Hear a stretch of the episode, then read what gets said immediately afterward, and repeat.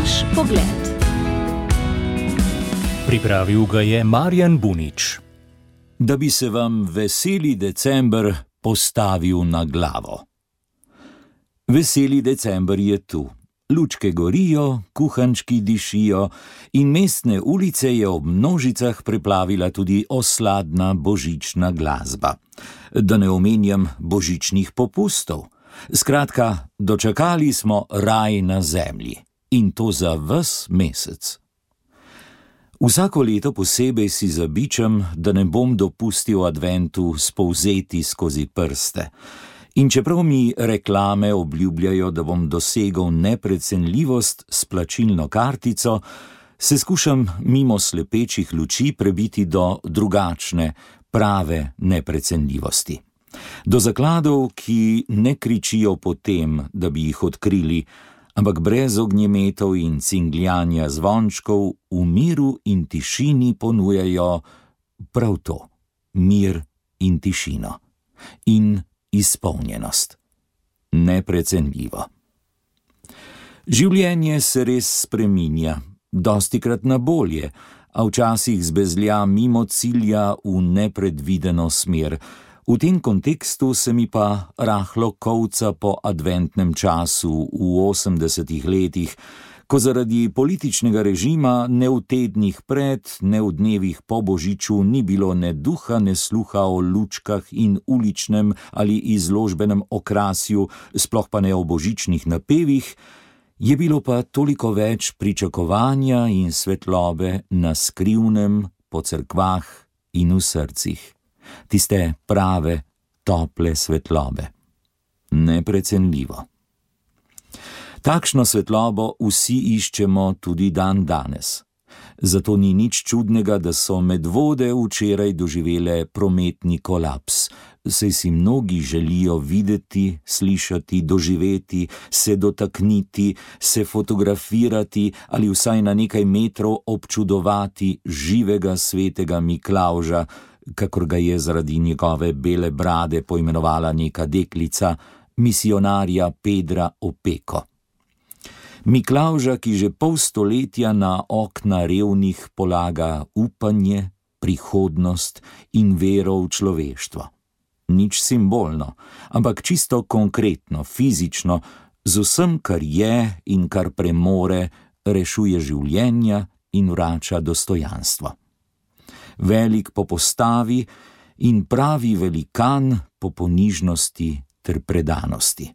Zvest malemu človeku in k tistemu velikemu, ki ima vsega v obilju, v Evropo prihaja izprosit zlata jabolka, zlate kepe, brez katerih ne bi mogel opravljati svojega poslanstva.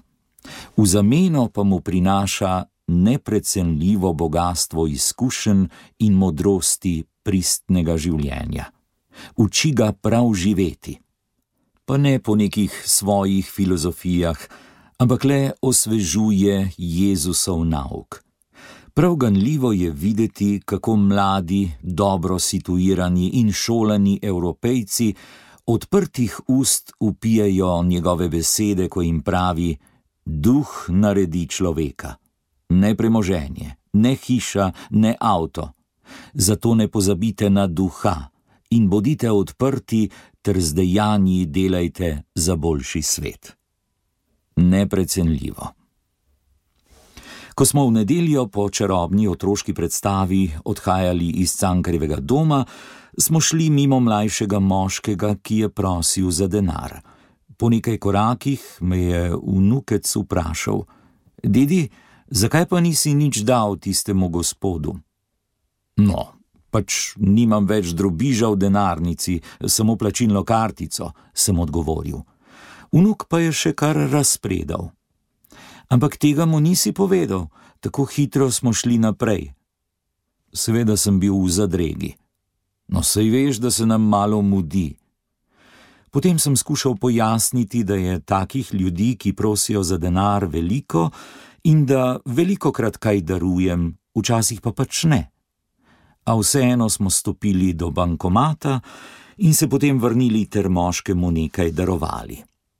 Moj lastni vnuk me je svojo nedolžno in neposredno otroško logiko zbudil iz lenobnega lagodja in me spodbudil k tehtanju, presojanju, k odločanju in k akciji.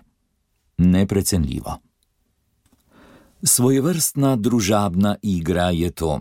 Vsakodnevni lov na prikrite bisere resnice, upanja in ljubezni, ob katerih tudi moje lastno življenje dobiva svetlobo, da se ne izgubi v sijočem mraku cenenosti in nepomembnosti.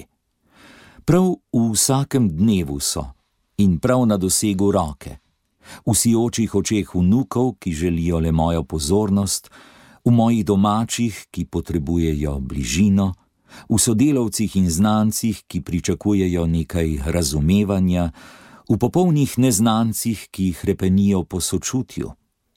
In vsakič znova je v mojih rokah odločitev, ali se bom odzval ali pa raje predal igrivemu blišču, ki od mene ne pričakuje, da mu dam sebe, ampak hoče le moj denar.